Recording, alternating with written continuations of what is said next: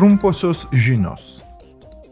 Tarptautinės priekybos komitetas patvirtino Ukrainos žemės ūkio gaminiams taikomų ES importo muitų sustabdymą dar vieniems metams.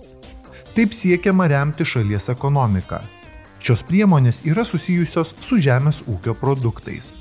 Pramonės gaminiams pagal ES ir Ukrainos asociacijos susitarimą nuo sausio mėnesio netaikomi muitai, todėl jie naujajame pasiūlyme nėra minimi. ES yra svarbiausia Ukrainos priekybos partnerė.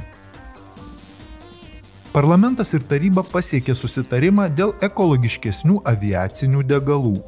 Šią savaitę jie susitarė didinti sunaudojamų tvarių degalų, pavyzdžiui, pažangiųjų biodegalų ir vandenilio dalį.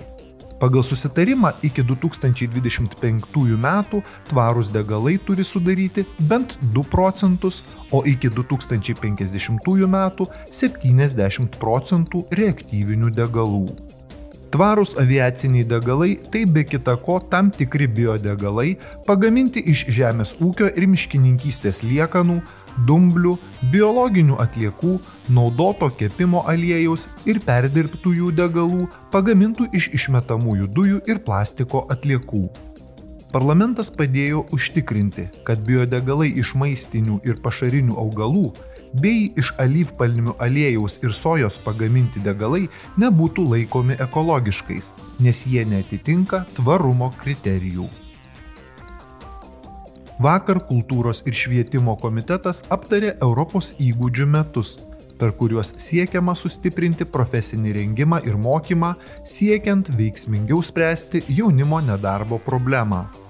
Už darbo vietas ir socialinės teisės atsakingas komisijos narys Nikolė Schmidt sakė,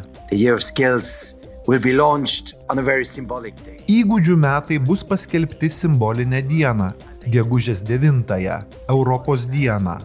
Manau, kad tai turi simbolinę reikšmę, nes Europa taip pat vertina gerus įgūdžius. Įgūdžius neatsiejamus nuo gilaus išmanimo. Įgūdžiai ir darbo rinka labai glaudžiai susiję. Tačiau įgūdžiai, tai ir mokymasis bei kompetencijos taip pat yra nepaprastai svarbus mūsų demokratijai. Europos parlamento nariai svarsto galimybę apjungti Europos jaunimo metus ir Europos įgūdžių metus.